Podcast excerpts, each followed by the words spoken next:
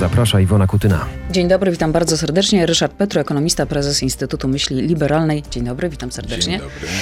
E, tak, to w końcu z tym pańskim startem jest. E, będzie pan startował, czy nie będzie pan, sta- pan To, startował? to politycy się muszą określić. Ja będę robił to, co robiłem dotychczas, czyli będę punktował błędy zarówno gospodarcze PiSu, jak i Konfederacji. Ostatnio uważam, że udało mi się jakby przyczynić, może skromnie, ale zawsze do spadku notowań Konfederacji. Mam nadzieję, że będą długotrwałe, a nie krótkoterminowe.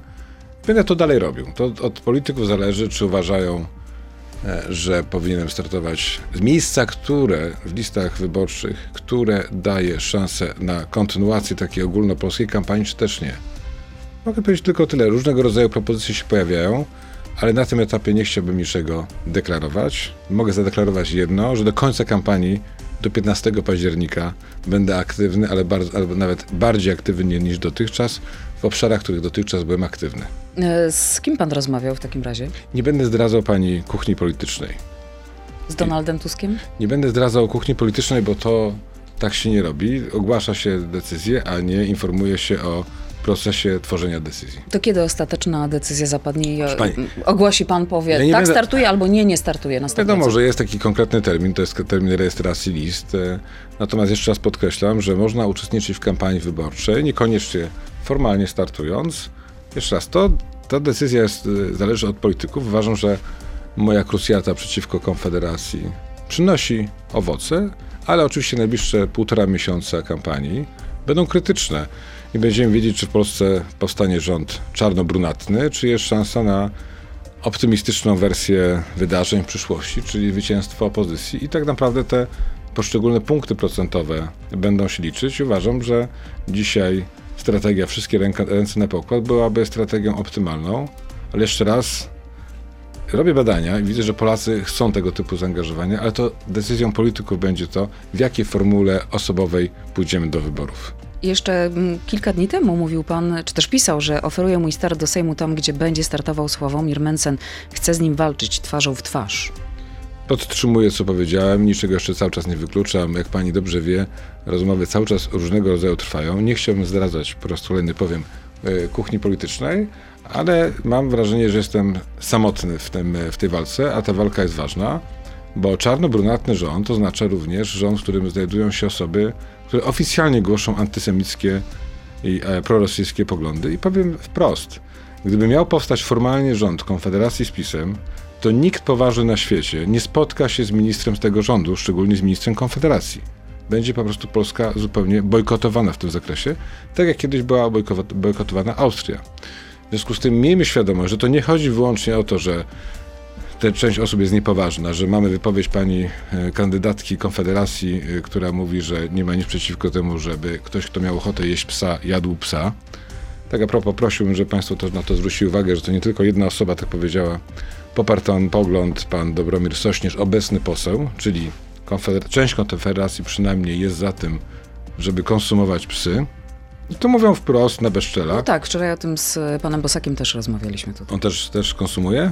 No nie. A. Znaczy, jest wyjątkiem, rozumiem, w Konfederacji, ale chciałem powiedzieć coś ważniejszego, bo naprawdę tam są osoby, które nie będą akceptowane na żadnych spotkaniach międzynarodowych, czy to w, Euro- w Unii Europejskiej, ale czy też również ze Stanami ale Zjednoczonymi. mówi pan, że PiS z Konfederacją, a jedna i druga strona zarzekają się, że absolutnie nie ma opcji, żeby stworzyli koalicję po wyborach. A potem jest matematyka wyborcza i potem ktoś wygrywa, ktoś przegrywa i ktoś będzie tworzył rząd i e, historia pokazała, że wiele osób, które jest obecnie z Konfederacji, wcześniej było w Kukiz 15 i jakoś nie miało problemy, problemów współpracować z PiSem poza, że tak powiem, światłami reflektorów.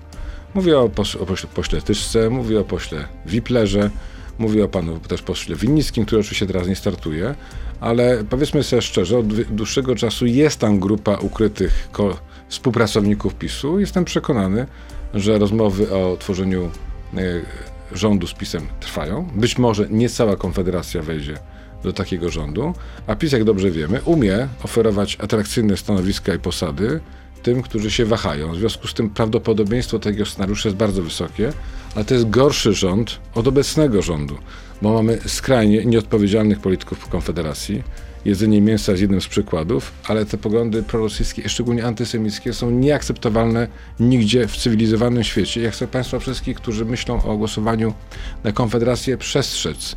To są nieodpowiedzialne osoby. One się kryją pod tym płaszczykiem lekkiej formy liberalizmu, którą proponuje pan Mencen. Ja oczywiście, Mencen. Oczywiście, jak wejdziemy w głąb tych propozycji, co mi się parę razy udało zrobić w konfrontacji z nimi, to tam jest pustka. Albo to jest żart, albo nie o to chodziło, albo jeszcze nie jest to policzone. No, ale to jest mam tylko takie- zewnętrzne poczucie- wrażenie. Mhm. Mam, takie, mam takie wrażenie, że pana misją teraz jest w tej, w tej kampanii, niezależnie czy pan startuje, czy nie, e, punktować mocno Konfederację. Punktować, pokazywać, na czym polega prawdziwy, racjonalny liberalizm, że państwo może być dobrze zorganizowane za te same pieniądze, że nie musi mieć takiego deficytu budżetowego, którym wczoraj powiedział premier na rok przyszły, 160 prawie 5 miliardów złotych. Jesteśmy zadłużeni bardziej niż Zagierka, tylko Zagierka był taki pomysł, że te nasze dzieci będą spłacać. Przypomnę, rodzi się najmniej dzieci w historii Polski, czyli dzieci nawet nie będą w stanie spłacić długu. Konfederacja oszukuje Polaków, proponując pseudoliberalizm, który jest pusty wewnętrznie, ale to jest przykrywka do poglądów brunatnych, antysemickich, e, szalonych, jeżeli chodzi o kwestie na przykład e, zwierząt domowych czy psów, ale jest też bardzo niebezpieczna, dlatego że wtedy to nas wepchnęłoby w taką dyskusję, czy Polska wychodzi z Unii Europejskiej, czy nie. To nie jest już wtedy teoretyczna dyskusja, bo o ile w PiSie nie ma osób, które by, albo w, w mainstreamie PiSu, które by oficjalnie mówiły, tak, zróbmy referendum za wyjściem Polski z Unii Europejskiej. Tam takie osoby na pewno są, które tak myślą, ale nie ma osób, które oficjalnie to głoszą. O tyle w Konfederacji wprost takie poglądy, e, propozycje padają. Ostatnio pan poseł Sośnierz w rozmowie ze mną mówi wprost, jesteśmy okupowani przez Unię Europejską i jestem zwolennikiem takiego referendum i będę głosował za wyjściem. A tak dokładnie identycznie było w Wielkiej Brytanii. Była partia, która była za wyjściem e, Wielkiej Brytanii z Unii, grała na tym i w pewnym momencie odpowiednik, można powiedzieć, w pewnym sensie pana Kaczyńskiego powiedział, a, robimy referendum, może na tym wygramy i wszyscy na tym przegrali. Przegrali. E, Do Konfederacji pewnie jeszcze wrócimy podczas dzisiejszej rozmowy, a dzisiaj Dzień Polskiej Żywności, więc pomyślałam taki dobry pretekst, żeby o tej drożyźnie, zwłaszcza z panem porozmawiać. E, Taniej to już było? Zawsze latem e, spadają ceny żywności, no bo pojawiają się jakby tańsza żywność związana z sezonem i potem mamy lekki wzrost cen. Oczywiście mamy do czynienia z sytuacją wyjątkową. E, Mamy bardzo silnego złotego, a silny złoty jakby sprzyja niższej inflacji. Ale nie wierzę w to, żeby to miało szansę długo trwać. To, co chce, prezes Glapiński zrobić, to dać prezent PiSowi i obniżyć stopy procentowe w przyszłym miesiącu po to, żeby pokazać, że patrzcie, wszystko się poprawia i tak dalej. Natomiast jeżeli za wcześnie będziemy obniżać stopy procentowe, to znowu pojawi się za dużo pieniądza na rynku i znowu inflacja relatywnie wzrośnie. To, co nam grozi, to grozi nam taka inflacja rzędu 6-9%, nie tylko w tym roku, ale w kolejnym i tak dalej, i tak dalej, kiedy w Europie ta inflacja zjedzie do 2%, czy w Stanach W tej chwili już jest o połowę mniejsza niż u nas. Od zawsze, od, od dłuższego czasu jest dokładnie o połowę wię- yy, mniejsza niż u nas, a to pokazuje, że to jest nie inflacja, tylko glap inflacja i morawiecka inflacja. To są ci dwaj panowie, jeden za późno zaczął podwyższać stopy, drugi z kolei za dużo wydaje w stosunku do tego, ile państwo zarabia. Za dużo pieniędzy na rynku, tworzy się inflacja. Inflacja niestety z nami będzie, jeżeli nie nastąpi zmiana rządu. Be- na prezydent BP też nie nastąpi przez jakiś czas. Inflacja z, nami będzie niestety najdłużej. I to nie jest tylko ten rok, ale kolejny. Oczywiście mam nadzieję, że nie będzie to 20%, ale 7-9% to jest naprawdę wysoka inflacja, bo cały czas musimy ją gonić. Musimy negocjować podwyżkę płac. Jednemu się uda, drugiemu się nie uda. No i to są siłą rzeczy wyższe, wyższe procentowanie kredytów w stosunku do tego, jakie mogłoby być, gdyby inflacja była na poziomie 2%. Czyli wszyscy będziemy ponosić koszty i Polska się przez to wolniej rozwija. Ale powiem taki jeden przykład. 60 miliardów złotych idzie na całą subwencję oświatową w Polsce. Wszystkie pieniądze państwa na edukację. 60 miliardów. 60 miliardów złotych kosztuje nas obsługa długu, czyli odsetki płacone z tego tytułu, że zaciągnęliśmy dług. Dokładnie taka sama kwota, która idzie na edukację. Uwaga, i taka sama kwota idzie również na 800.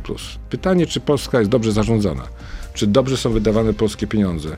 Jeżeli wyrzucamy, można powiedzieć, w błoto 60 miliardów, bo za bardzo się zadłużyliśmy, a edukacja jest skrajnie doinwestowana. I pytanie jest takie, czy nas stać na tak, na program 800, który jest tak drogi i który trafia do wszystkich, a nie tylko dla niezamożnych.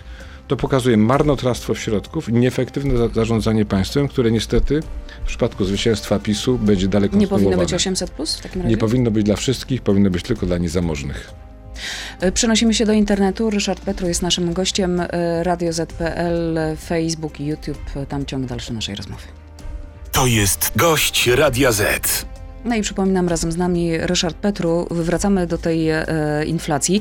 No ale w lipcu, jak czytam, e, zarówno w skupie, jak i na targowiskach ceny większości produktów rolnych były niższe w porównaniu z poprzednim miesiącem i rok do roku. To takie informacje przekazał e, GUS.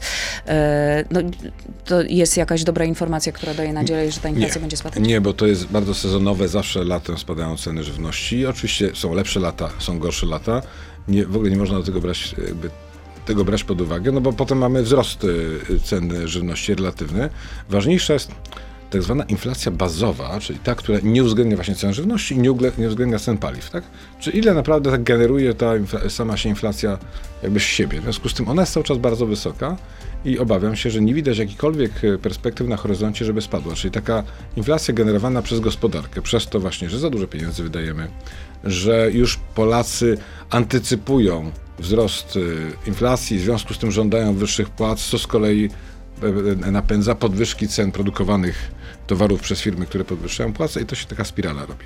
Czyli oczekujemy wysokiej inflacji, podbijamy wy- wynagrodzenia, w związku z tym produkty są droższe. Jak są droższe produkty, to z kolei jest wyższa inflacja. I to jest taki korkociąg, z którego bardzo, bardzo trudno e, sprowadzić inflację do 2%. Czyli, czyli to oznacza, że skoro teraz latem, tak jak pan mówi, te ceny spadają, to jesień będzie jeszcze gorsza, jeszcze trudniejsza?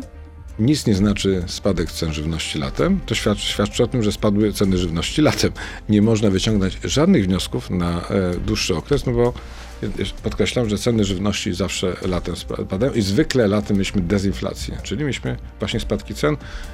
Za każdym razem trochę inne. Znaczy, to dziś w tym roku oczywiście mieliśmy tak głębokie spadki cen, że to uderzyło tak bardzo w rolników, mówię o y, na przykład o owocach miękkich, że spowodowało to nie tyle bankructwa, ale olbrzymie problemy wielu, bardzo wielu gospodarstw. Pytanie jest takie, czy Polska powinna tworzyć e, warunki do aż takich anomalii, czyli mamy nagle wzrost, potem nagle spadki.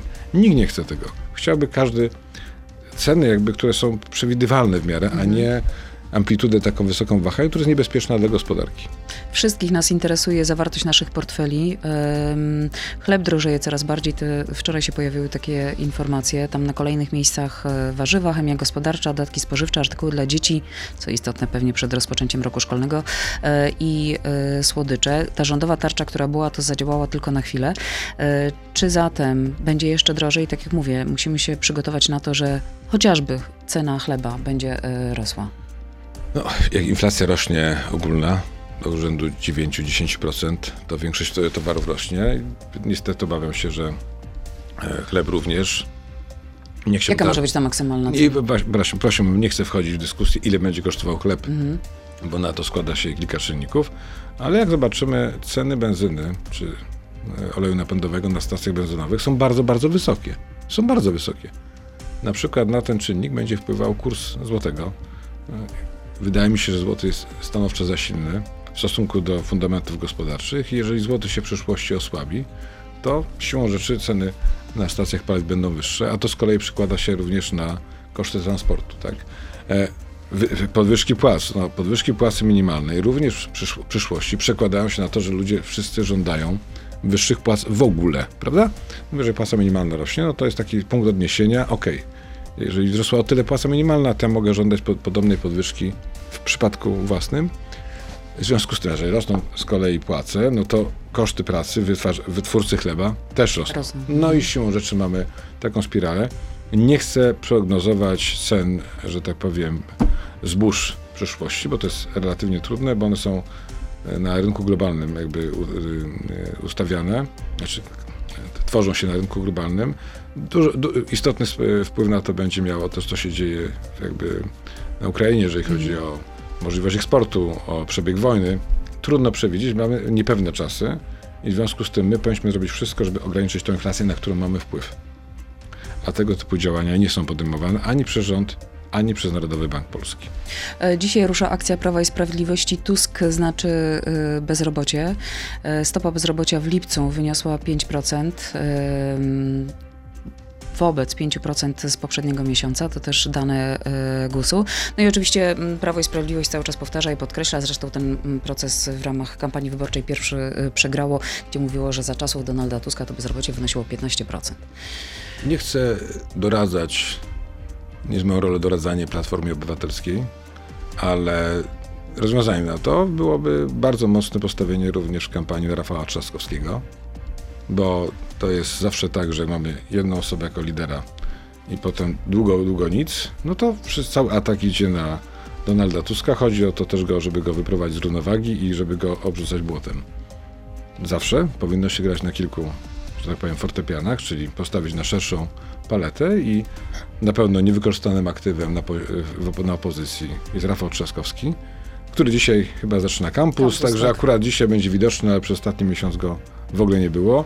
Kampus kampusem, po kampusie mamy wejście w prawdziwą kampanię wyborczą, czyli od września, jak wszyscy wiemy, zaczyna się nie, nie tylko szkoła, ale bardzo mocna kampania wyborcza. Jeżeli nie pójdziemy szerszą ławę, no to no, przecież chodzi o to, żeby go opluwać, bo Don- Donalda Tuska i to było to zawsze jakieś tam... No ale nie, nie ma pan takiego poczucia, że niezależnie od tego, ilu byłoby liderów i Rafałów Trzaskowskich, to Donald Tusk i tak będzie w centrum zainteresowania. Nie, nie mam wrażenia. Nie, to, to nie będzie, tylko ktoś inny będzie również wspierał. To, to, to, to, jeżeli tak będzie, to będzie błąd Kaczyńskiego, bo ludzie muszą widzieć, że głosują na szeroką formację. Mówię formację opozycji, bo też jest przecież trzecia dro- droga, jest też lewica e, i ka- każdy z tych elementów układanki opozycyjnej jest ważny, bo a propos Konfederacji i Trzeciej Drogi, ewidentnie są przepływy między tymi dwoma partiami i to jest kluczowe, jeżeli Konfederacja będzie rosła, odbierze tlen, jakiś tam część tlenu trzeciej drodze. Trzecia droga, nie wchodząc do, do Sejmu, powoduje, że PiS ma bardzo dużą większość i wystarczy tam podebrać im kilkunastu konfederatów, co nie będzie trudne, do tego, żeby stworzyć rząd. Innymi słowy, musimy mieć szeroką ławą. Jeżeli będzie to wszystko wyłącznie koncentracja na, Donaldu, na Dona- Donaldzie Tusku, to się nie uda wygrać e, wyborów. W związku z tym apeluję też o to, żeby postawić też na inne nazwiska. Rafał Trzaskowski jest tylko przykładem osoby, która może neutralizować w pewnym sensie uderzenie w Donalda Tuska, bo e, jeżeli oni, oni będą tylko Donalda Tuska atakować, no to Rafał Trzaskowski tym bardziej będzie wspierał gorącym- poparcie dla, dla, dla KO. Ostatnio gorącym nazwiskiem jest e, Michał Kołodziejczak. Ma pani rację, zapomniałem o pan, pan, panu Michale. Natomiast pan Michał działa w obszarze wiejskim, tak? E, I nie- Pomoże Platformie, koalicji? Ciężko mi ocenić. Uważam, że jest, y, to jest y, sympatyczny, bardzo zaangażowany człowiek, którego miałem przy- przyjemność parę razy spotkać w studiach telewizyjnych. I to jest jakby już takie nowe pokolenie zupełnie tych buntowników rolnych, można powiedzieć. Racjonalne, bo to rolnictwo się bardzo zmieniło. To nie są, przepraszam, to nie jest rolnictwo w kaloszach, tylko jest bardzo zmechanizowane i tak dalej. Natomiast oczywiście jest tak, że on ma swoją agendę. Nie jestem pewny jeszcze, co w tych półtora miesiąca się, w, najbliższym w okresie najbliższych 6-7 tygodni jeszcze się e, pojawi. To jest szansa i zagrożenie jednocześnie, no bo on ma bardzo, jest bardzo wyrazisty i bardzo ma jednoznaczny stosunek do, w, kwestii, w kwestiach rolnych. Nie, nie zawsze może być to kompatybilne. a jeżeli chodzi o poglądy polityczne może. Też, y, wie pani, w związku z tym to jest z jednej strony szansa, z drugiej strony zagrożenie. E, Nie ma wroga na opozycji, kibicuje skuteczności wszystkich partii opozycyjnych, bo to chodzi o coś więcej niż tylko o kwestie osobistych ambicji. A pan Ale- zaufał? Żeby Jeśli mu pan- zaufał? Tak, czy to jest dobry kierunek, żeby jakby pan był na miejscu Donalda Tuska, zaprosiłby go pan Nie, do nie, wie współpracy? państwo, nie, nie znam, znaczy, nie, nie znam kulis, nie znam Mhm. kulis. Wiem tylko tyle z doświadczeń, że osoby, które mają taki temperament, niosą z sobą szanse i też duże ryzyka. I chodzi o to, żeby tych szans było więcej niż ryzyk w ciągu najbliższych sześciu tygodni. A w końcówce kampanii wyborczej jest tak, że wygrywa ten, kto popełnia mniej błędów. Czy Koalicja Obywatelska popełniła błąd? Pojawił się dzisiaj spod koalicji, gdzie wykorzystany został deepfake, e, bo tam mm, sztuczna inteligencja stworzyła e, głos e, mm, premiera Morawieckiego. Oczywiście ta informacja też się przy tym spocie pojawiła chociażby na Twitterze, co nie zmienia faktu, że jakieś głosy krytyki już się pojawiają, że to jest bardzo ryzykowne i niebezpieczne sięganie po deepfake w kampanii. Na szczęście nie oglądałem tego spotu, że, znaczy na szczęście, w tym sensie nie chciałbym krytykować, ale e, bardzo niebezpieczne jest używanie tego typu jakby zabiegów, no bo będzie zaraz kontrofensywa, a ludzie mają prawo nie wiedzieć, co jest prawdą, co nie jest prawdą. Nie wiem, czy pani pamięta, było kilka miesięcy temu były pierwsze deepfake'i, jak były nieprawdziwe zdjęcia aresztowanego Trumpa pod, y, pod y, gmachem sądu, prawda? No i jak ktoś to w ciągu dnia ogląda, ma wrażenie, że rzeczywiście go aresztowali, potem się okazuje, że nie. I pytanie, gdzie jest rzeczywistość, gdzie jest ta mhm. kreowana rzeczywistość. Państwowa Komisja Wyborcza, mi się wydaje, że nie jest przygotowana zupełnie na tego typu działania. I chyba lepiej by było, gdyby tego typu metod nie używać, bo zawsze istnieje ryzyko, że ktoś może to jeszcze bardziej nakręcić, a nie ma nic gorszego niż y, takie deepfake'i na przykład w piątek przed ciszą wyborczą, prawda? Powstaje wrażenie, ktoś już nie, nie widzi riposty, nie mówię o takich, mówię o bardziej daleko idących. Nie ma riposty, no i potem ludzie zostają z jakąś informacją, której nie są w stanie zweryfikować. Konsumpcja treści, jak wszyscy wiemy, nie przez panią czy przeze mnie, którzy jesteśmy, można powiedzieć, zaangażowani w politykę, jest taka, że ktoś coś widzi o 17, ale potem już wieczorem do tego może nie wrócić i to wrażenie zostaje. Stąd też e, chyba byłoby lepiej, gdyby A to zostało skodyfikowane, że Polska Państwowa Komisja Wyborcza zdefiniowała, co można, czego nie można, a nie mówiła tylko o tym referendum, które jest absurdalne. I na tym się skupiła. Skupiła się też na tym, że to, co robi PiS z tymi piknikami, to jest ewidentnie kampania wyborcza. W związku z tym mamy strasznie dostosowane prawo i myślenie PKW do rzeczywistości. Tylko to, co pani powiedziała, jest bardzo ważne, bo nie tylko chodzi o koalicję obywatelską, ale też chodzi o poszczególnych kandydatów. Też chodzi o społeczeństwo obywatelskie, które może zacząć tego typu E, że tak powiem, deepfake'i używać dla dobra sprawy, ale też, że tak powiem, w kontrze. Pamiętajmy, że tego typu sytuacje mogą się pojawić, uwaga, w trakcie ciszy wyborczej. Prawda? Mogą się pojawić i to nie będzie robione przez polityków, tylko nie wiadomo przez kogo. Ktoś wykreuje i wrzuci do sieci, wystarczy. Wy, wykreuje do sieci na przykład wypowiedź czyjąś, która jest nieprawdziwa, prawda? Mhm. I wtedy pytanie jest takie, a jak na to zareagować? Tak? Czy zareagowanie na tym złamaniem ciszy wyborczej, czy też nie? I tak dalej, i tak dalej. W związku z tym e, jest bardzo groźne i stąd też e, przydałaby się jak najszybciej e, szybciej kodyfikacja i stanowisko Komisji PKW w tej sprawie. Mówi pan, że Konfederacja, wracając do niej, może mieć nawet 20% poparcia i taki wynik w wyborach.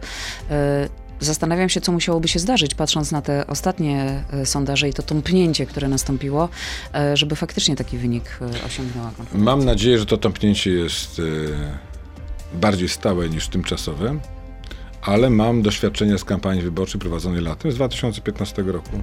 Sondaże, które wtedy się pojawiały, nie miały nic wspólnego z sondażami, sondażami we wrześniu latem, szczególnie w sierpniu, bardzo istotnie spada zainteresowanie Polaków e, kampanią wyborczą jako taką, szczególnie w upałach, jakie mieliśmy jeszcze. Jeszcze mamy przez parę dni. Stąd też e, ci, którzy wejdą we wrzesień rozpędzeni i nie popełnią błędów, wygradzą, wygrają wybory. Ci, którzy będą marzyli o 15 października, wybory przegrają. Czyli te, ci, ci przywódcy partyjni, którzy myślą, kurczę, żeby tylko dojechać do 15, października nie mają szans na wygraną. Uważam, że Konfederacja prezentuje się i udało jej się stworzyć taki teflonowy wizerunek partii świeżej. I do, w, w tym do tego teflonowego wizerunku ludzie projekt, projektują swoje jakby oczekiwania i marzenia. Trzeba jak najszybciej to rozbić, po, uderzyć na najsilniejszy punkt, jakim jest dzisiaj gospodarka, co sam czynię, bo inaczej oni mogą tacy teflonowi dojechać do wyborów, a wtedy w momencie wyborów ludzie chcą szukać, ok, mam już dosyć tego sporu, prawda, między KO i PiSem, szukam czegoś innego, a trzecia droga mi się znużyła, nie jestem lewicowym, głosuję na coś nowego, bo dać, dać chłopakom trzeba szansę. I tego się po boję. To jest efekt świeżości, to jest efekt Tymińskiego, efekt Kukiza w dużym stopniu, taki protest vote połączony jakby z propozycją gospodarczą, która jest dzisiaj nadzieją, bo o ile 8 lat temu czy 10 świat wrócił do zaangażowania się państwa w gospodarkę, to teraz to państwo spowodowało zbyt wysoką inflację, nieefektywność. Mamy dużo więcej państwa w gospodarce niż kiedykolwiek w Polsce od, od 20 paru lat. Mamy bardzo wysoką inflację, mamy zerowy wzrost. I to, co się stało wczoraj na torach PKP, no to, to jest jakieś w ogóle trzy, trzy wypadki jednego dnia. No to na co idą nasze podatki? Skrajna nieefektywność Ja mam wrażenie, że państwo przestaje działać. Tak? PKW nie jest w stanie y, wyłapać tego, że pikniki PiSu są piknikami partyjnymi. Pociągi, e, trzy, mamy trzy wypadki jednocześnie, prawda? No, Trudno uwierzyć w przypadek, nie, szczerze mówiąc. Ale co, tak by państwo nie działa. Państwo, nie, a, Prawo a Black Hawk, Black mhm. Hawk mało co nie spada. Mamy wojnę za polską granicą. No państwo co chwilę się ośmiesza, już nie mówiąc o policji A i państwo idzie do wyborów, czy tej Zjednoczona Prawica, pod hasłem y, bezpieczeństwa. No, wydaje mi się, że mamy już serię takich y, przykładów braku bezpieczeństwa. Oczywiście to jest bezpieczeństwo dnia codziennego, ale jest bardzo ważne, bo oni chcą prowadzić atmosferę, że grozi nam uderzenie wojenne i w związku z tym wojna zawsze doprowadza do tego, że ludzie są bliżej rządu, bo to rząd może tylko bronić, a opozycja w trakcie wojny raczej Polaków nie broni. To jest wytworzenie sztucznego zagrożenia. Po to też te e, pytania referendalne. Mój apel jest taki, nie bierzmy udziału w referendum. Nie bierzmy udziału w referendum. Pan nie, nie weźmie. Nie wezmę. Nie, nie rozmawiajmy też o tym. To znaczy, nie możemy na, dać sobie spowodować, nie możemy wejść na y, poletko, które definiuje PiS. Dlaczego PiS stawia takie pytanie w referendum? Bo tam jest jego przewaga. Gdzie jest jego słabość? W gospodarce. W gospodarce jest słabość PiSu, czyli w bardzo wysokiej inflacji, o czym rozmawialiśmy, w recesji, czyli w ujemnym wzroście, w eksplozji długu i deficytu, w nieumiejętności zarządzania państwem, czyli PKP, Black Hawk i tak dalej, i tak dalej, ochrona zdrowia, kolejki, nawet te przykłady tych recept, prawda, które świadczą braku, o braku pieniędzy. O, o tym, że do, mało kto chce w Polsce być nauczycielem, bo są tak niskie pensje. To jest słabość PiSu. Uważam, że błędem opozycji jest to, że ucieka z pola gospodarczego mhm. i wchodzi wyłącznie w, w pole antypis, bo to nie jest pole, o którym ludzie chcą rozmawiać. Polacy chcą rozmawiać o gospodarce, o ochronie zdrowia, o kolejkach. Naprawdę. PiS nie chce tych tematów, bo to, to jest jego słabość i narzuca nam tematy, które nie są tematami, które są istotne z punktu widzenia jakości funkcjonowania państwa. Chociaż oni twierdzą cały czas, że to są tematy, które właśnie Polaków interesują najbardziej. E, no jeżeli PiS będzie w stanie narzucić tą narrację, którą zaproponował w referendum, to wygra wybory i apeluję do wszystkich, żebyśmy się nad tym zastanowili. Nie wolno nigdy grać na zdefiniowanym przez przeciwnika polu gry, szczególnie, że to jest pole fejkowe. Co pan sądzi na temat e, tej informacji, która się pojawiła, mianowicie, że sędziowie Trybunału Konstytucyjnego e, mają dostać e, podwyżki, jeżeli oczywiście zostaną przyjęte. Julia Przyłębska co najmniej 10 tysięcy złotych, pozostali sędziowie no ciut mniej, tam między chyba 7 a 8 tysięcy. Borys Budkę wczoraj powiedział, że to jest za nic nie robienie. Trybunał zbiera się sporadycznie. Jedyne z czego teraz słyną to blokada orzeczenia dotyczącego środków z Funduszu Odbudowy. To mi trochę przypomina właśnie takie stanowisko Jerzego Urbana w rządach komunistycznych, który mówił, że rząd się sam wyżywi. No i to widać, że oni, oni jakoś, dla nich ta inflacja jest nieistotna, dlatego że robią sobie, y, y, oferują sobie podwyżki, które neutralizują im inflację i mają jeszcze więcej. Natomiast pamiętam, że jak wprowadzono tą destrukcję Trybunału, to argument był taki, że Trybunał za mało pracuje. To teraz już w ogóle nie pracuje. W ogóle nie pracuje. W związku z tym Granda Biały Dzień. Uważam, że takie rzeczy trzeba punktować, pokazywać. Za nierobienie, ale za posłuszność dostaje się podwyżki. Um, Kredyt 2% to jeszcze jedna rzecz, o którą chciałam pana zapytać, bo okazuje się, że tak się ten pomysł spodobał obywatelom, y, że z wnioskami rzucili się do banków i banki są zakorkowane. Y, na decyzję okazuje się, że czeka się y, tygodniami.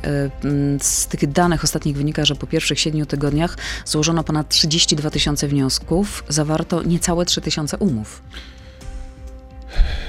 Główny problem polega na tym, że w wyniku tego kredytu nie będzie się budowało więcej mieszkań, bo podaż gruntów jest ograniczona. Dlaczego jest ograniczona podaż gruntów? Bo jest bardzo mało planów zagospodarowania przestrzeni i bardzo mało jest tych gruntów jakby przygotowanych medialnie do tego, żeby można było, chodzi o media, e, żeby można było budować. W związku z tym ten kredyt wyłącznie spowodował wzrost cen, cen. mieszkań i koniec, czyli wzrosły o 10%. Oczywiście Dlaczego w Polsce mieliśmy boom na mieszkaniach, potem taki spadek? No bo Glapiński mówił przez jakiś czas, że nie będzie podwyższał. Polacy nabrali kredytów, a potem teraz nikt nie jest w stanie normalnego kredytu wziąć przy tak wysokich stopach procentowych. To są błędy rządu, ale jeszcze raz, tak długo jak nie będzie reformy fundamentalnej i KPO też mogłoby pójść na to, żeby było więcej planów zagospodarowania przestrzeni. Dwa, potrzebna jest totalna reforma, jeżeli chodzi o spółkę energetyczną. One nie, na, nie, nie wyrabiają jakby z realizacją, przygotowaniem gruntów pod, pod budowę. Tak długo, jak nie będzie więcej podaży gruntów, tak długo te ceny mieszkań będą bardzo wysokie. A to, że się zatkało, no to pokazuje, że system nie działa. Nie, w cywilizowanych krajach wszystko musi być płynne. Nie może być takich wa- e, e, e, wahania amplitudy. I boję się, że wraz z upływem czasu może się okazać, że te ceny zaraz odlecą.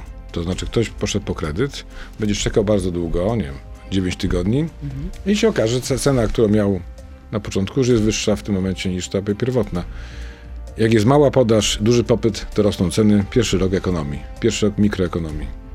E, Czy podniesienie wieku emerytalnego po wyborach e, to, to dobry kierunek, to konieczność? Ja Jestem zwolennikiem równego wieku emerytalnego dla kobiet i mężczyzn. Mamy bardzo duży rozjazd, jeżeli chodzi o długość oczekiwa- oczekiwaną długość życia między kobietami i mężczyznami. Kobiety żyją dłużej, odchodzą na emeryturę wcześniej, A odwrotnie. to dużo dłużej. Tak. Yy, Znaczy to świadczy źle o mężczyznach, a nie o kobietach, bo mężczyźni w Polsce, mam nawet takiego Twittera, tweetowałem, mogę, może go znajdę. Najważniejsze wspólny wiek emerytalny dla kobiet i mężczyzn, proporcja 62, ale za każdy dodatkowy wiek, rok pracy e, na emeryturze, bardzo istotna podwyżka e, świadczenia, żeby ludzie mieli świadomość tego, że się opłaca dłużej pracować, żeby to się bardzo istotnie przekładało na wyższą emeryturę bo nie chciałbym mani- manipulować teraz wysokością, e, wysokością wieku emerytalnego. Polacy tego nie akceptują. Trzeba poprzez zachęty promować dłuższą pracę, a nie przez na, narzucanie. No tak, ale jest najnowsze takie badanie, z którego wynika, że wyborcy nawet Prawa i Sprawiedliwości są w stanie zaakceptować wyższy wiek emerytalny.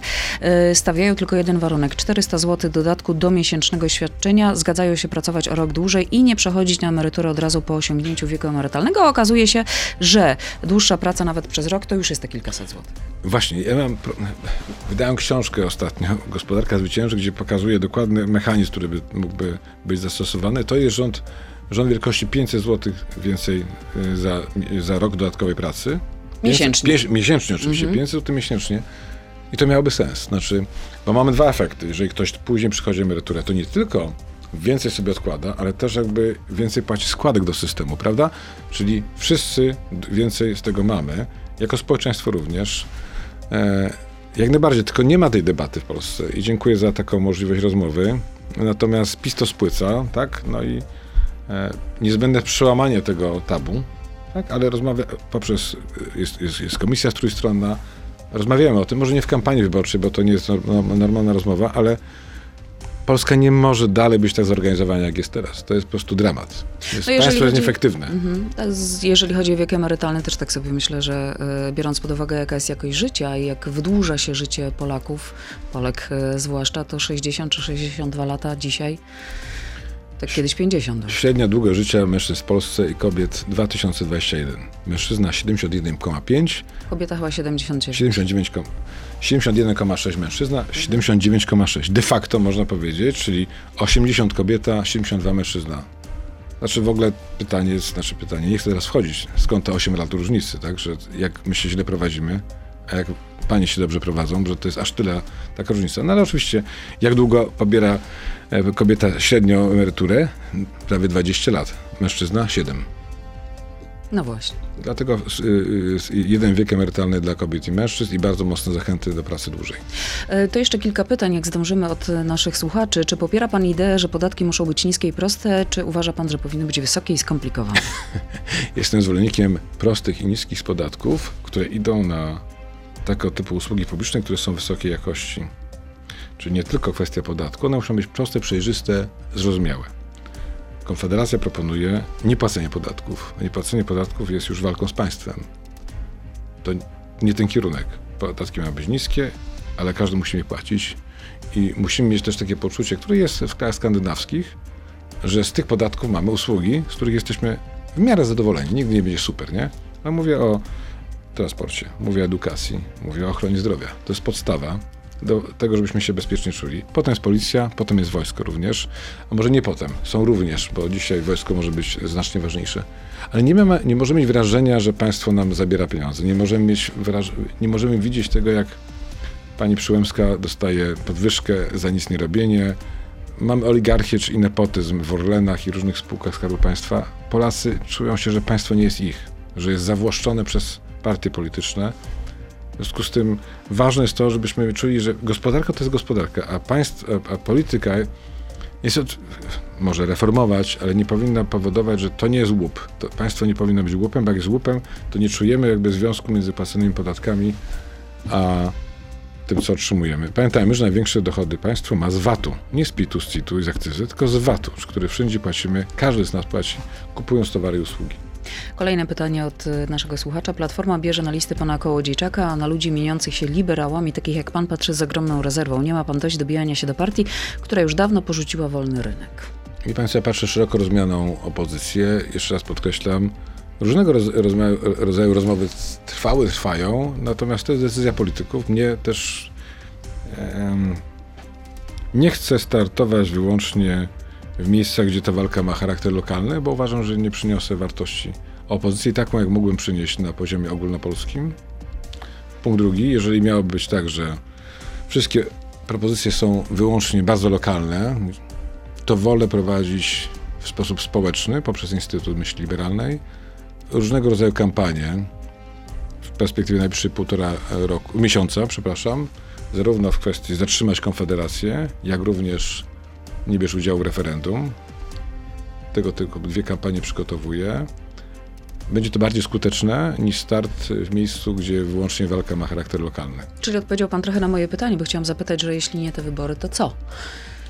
Pani, zobaczymy, jaki będzie wynik po wyborach. I no jest tyle wariantów, prawda? Bo to nie jest tak, że mamy albo wygraną, przegraną, mamy albo wielką wygraną, albo przegraną, albo mamy chaos, który jest bardzo możliwy, albo mamy rząd, którym, który jest bojkotowany na świecie, po drugie mamy jeszcze czynnik zewnętrzny. W związku z tym wolałbym do tej rozmowy wrócić e, po 15 października, bo będzie znacznie więcej wiadomo. Dzisiaj jest zbyt duże, wiele scenariuszy, które mogą się wydarzyć Ale wszystkie bierze pan pod uwagę. wszystkie biorę pod uwagę. Chcę być zaangażowany w życie publiczne w Polsce. Cieszy mnie to, że naprawdę mam dużą satysfakcję, że debata, debata, prawdziwa debata z przeciwnikiem, ale merytoryczna, może być czymś ważnym, interesującym, ciekawym. Że to nie tylko chodzi o polaryzację, ale chodzi też o, o rozmowę na argumenty. To udało mi się z konfederatami, bo to były prawdziwe debaty, czyli takie zaangażowanie społeczeństwa obywatelskiego. I to pokazuje, że można być całkiem skutecznym. Nie chcę sobie przywiązywać wyłącznie sprawstwa spadku s- sondaży, bo zobaczymy, na ile one są trwałe. No, jest pan określany jako młot na Konfederację, więc... Nie jest to złe określenie, podoba mi się, natomiast te, półtora miesiąca kolejne e, pokażą, na ile będę skuteczny. Jestem osamotniony w tym, co jest z jednej strony smutne, a z drugiej strony dla mnie dużą satysfakcję i taką powoduje, że czuję takie głębokie zadanie, żeby to dalej kontynuować, bo to jest bardzo ważne z punktu widzenia polskiej demokracji, nie tylko tych wyborów, ale tak naprawdę jak wpuścimy tych brunatnych na stałe na salony, to mogą zniszczyć te salony i ich nie poznamy. Ryszard Petru. Wielkie dzięki za Ja to dziękuję spotkanie. bardzo. Wszystkiego dobrego. E, Wzajemnie. Ja dziękuję Państwu i widzimy się i słyszymy e, w poniedziałek. Udanego weekendu. To był gość Radia Z. Słuchaj codziennie w Radio Z i na player radioz.pl.